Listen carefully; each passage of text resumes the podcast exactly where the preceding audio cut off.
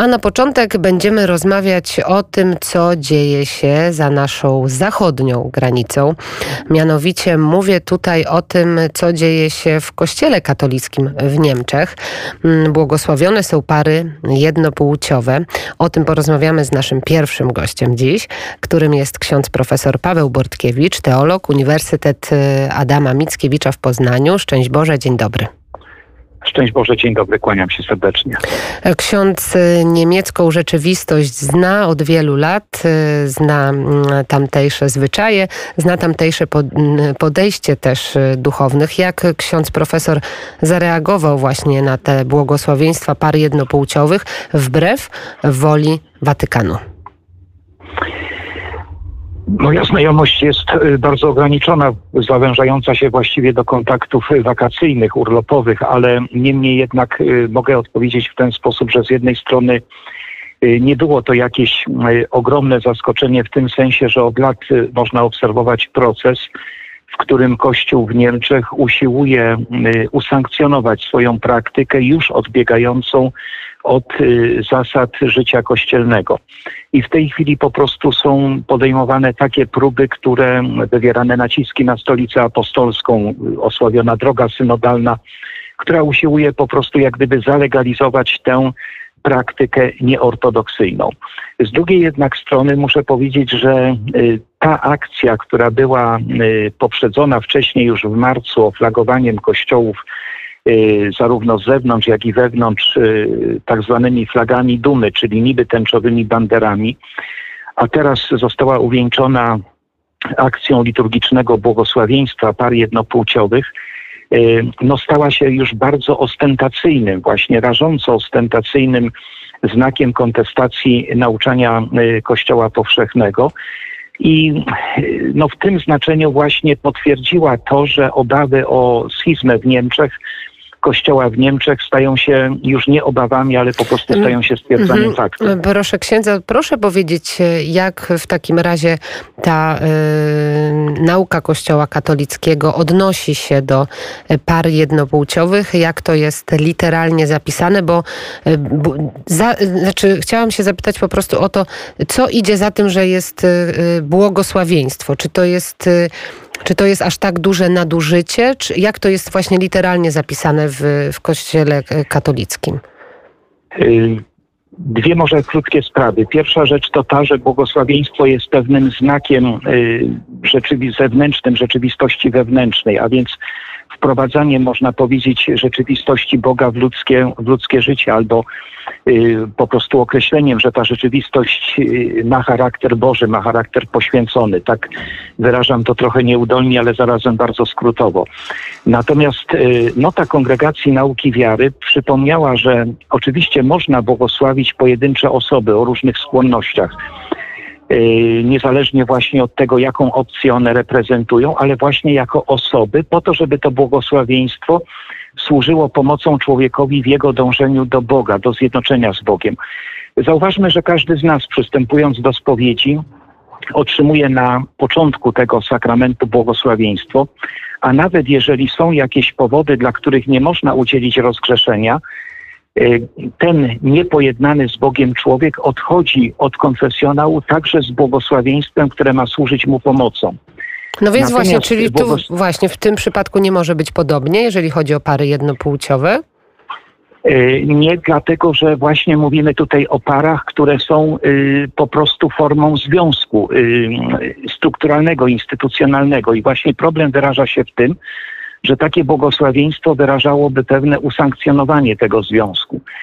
Y, to jest właśnie y, problem. Oczywiście, jeżeli by, powiem może w ten sposób obrazowo, że jeżeli by każda z tych osób podeszła y, z intencją, że chce otrzymać błogosławieństwo po to, żeby uregulować swoje życie, no to znaczy po prostu żyć zgodnie ze strukturą, z logiką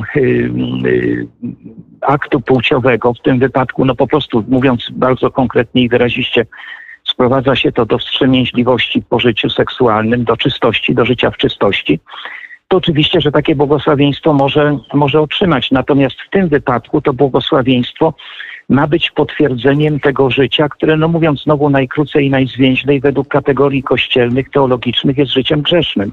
Czyli, czyli najważniejszą, nie... najważniejszym aspektem, przepraszam, proszę księdza, jest tutaj tak. zachowanie tak. czystości. E, miłość i y, kochanie między takimi dwoma osobami może funkcjonować, ale chodzi tutaj o zachowanie czystości. Rozumiem, że to jest ten najważniejszy aspekt w życiu takich ludzi. Tak, i, i, oczywiście, że tak, tylko my musimy też pamiętać o tym, że y, no mówiąc właśnie o tej czystości, nie możemy wystawiać jej na taką próbę, która byłaby y, próbowaniem tego, tej, tej czystości, no właśnie w stałym związku partnerskim. To po prostu no, są rzeczy, które no, kolidują po prostu, mówiąc najkrócej ze sobą. Y, wrócę, wrócę jeszcze tylko do tego właśnie, że, że Kościół nie odmawia absolutnie pomocy tym, tym ludziom, żadnemu człowiekowi, ale też ta pomoc nie ma polegać na tolerowaniu ludzkiej słabości, tylko ma polegać na afirmowaniu człowieka i w sytuacji, w której y, w życiu ludzkim mamy do czynienia z czymś nieuporządkowanym, to błogosławieństwo ma sytuację porządkować, ma po prostu zmieniać nasze życie. Ja często y, przywołuję tutaj no, znaną perykopę ewangeliczną, opowieść ewangeliczną o spotkaniu Chrystusa z jawnogrzesznicą, która y, no właśnie przekracza granice tolerancji. Gdyby Chrystus był tolerancyjny, to powiedziałby po prostu, no nic się nie stało, no problem, don't worry, be happy. Chrystus tymczasem mówi, ja Ciebie nie potępiam, ale dodaje idź i nie grzesz więcej, a więc to Jego błogosławieństwo, powiedzmy wyrażone tymi słowami, oznacza konieczność zmiany życia, rewizji życia i jego zmiany, zgodnie no, z planem Bożej miłości. A więc to jest, to jest właśnie ta różnica między tolerancją, która jest przyzwoleniem na y, nieporządek ludzkiego życia, a afirmacją, która domaga się uporządkowania tego życia. Rozumiem. E, proszę księdza, a jeszcze takie dosyć chyba istotne wydarzenie. Po siedmiu miesiącach funkcjonowania Rada Osób Poszkodowanych właśnie przez duchownych została rozwiązana przez Kościół Ewangelicki w Niemczech. Ofiary tej przemocy seksualnej, które działały w Radzie, nie zgadzają się z taką decyzją. E, co ksiądz sądzi o, e, o tej sytuacji, że z jednej strony mówimy właśnie o błogosławieństwu par jednopłciowych, a z drugiej strony e, duchowni, którzy dopuszczali się takich, a nie innych występków, no mm, nie będą osądzani, albo w każdym razie może y, ma nie dojść do ich osądzenia. Jak ksiądz to odbiera? Trudno jest mi ustosunkować się do y, tej decyzji, bo po prostu nie znam szczegółów, ale chcę podkreślić no jedno. Y, nauczanie Kościoła katolickiego, bo o tym mogę powiedzieć, jest bezwzględnie spójne, jeżeli chodzi o samą doktrynę. Kościół po prostu nie zgadza się na zło, które jest zarówno ma charakter autodestrukcyjny, jak i destrukcyjny w stosunku do drugiego człowieka. I z tego wynika zarówno zakaz właśnie legalizacji związków jednopłciowych, zakaz pedofilii, zakaz właśnie wszelkich czynów naruszających y, godność y, pożycia seksualnego, mówiąc tak najkrócej, najzwięźlej. Natomiast oczywiście praktyka realizacji tej, tych zasad doktrynalnych, jak wiemy, y, z różnych względów jest mm, nie zawsze satysfakcjonująca.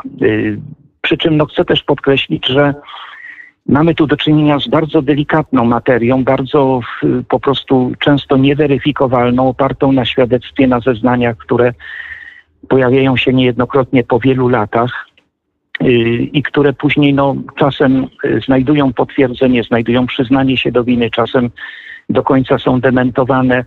A więc jest to kwestia naprawdę bardzo delikatna. Na pewno nie jest to sprawa zero-jedynkowa i w związku z tym y, myślę, że to też jest powód, dla którego niejednokrotnie spotykamy się z czymś, co może wydawać się mało satysfakcjonujące, a co często jest po prostu no, efektem takich, a nie innych ustaleń, które y, no, mogą się wydawać niesatysfakcjonujące, ale są odzwierciedleniem prawdy.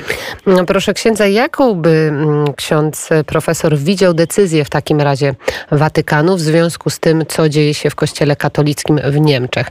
Jak Watykan powinien zareagować? Bo wiemy, że to są zachowania wbrew woli Watykanu. Mówię oczywiście o błogosławieństwie par jednopłciowych. Co może za tym iść? Jakie powinny być konsekwencje? Y, ja myślę, że trzeba tutaj może dopowiedzieć, że to nie jest tylko kwestia orzeczeń watykańskich, to jest kwestia po prostu w tym znaczeniu, że to nie jest kwestia orzeczeń jakiejś instytucji, jakiejś dykasterii. To jest nauczanie Kościoła powszechnego, oparte na Ewangelii, na tradycji, na y, po prostu całym rdzeniu nauczania magisterium Kościoła.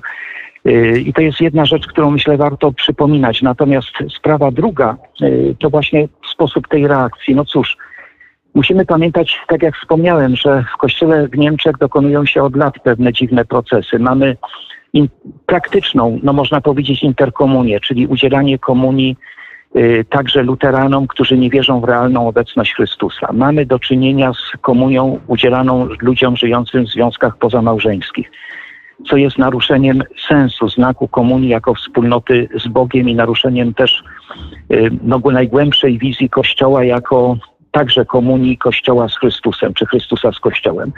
Mamy w tej chwili do czynienia właśnie z tą promocją y, związków homoseksualnych, związków jednopłciowych.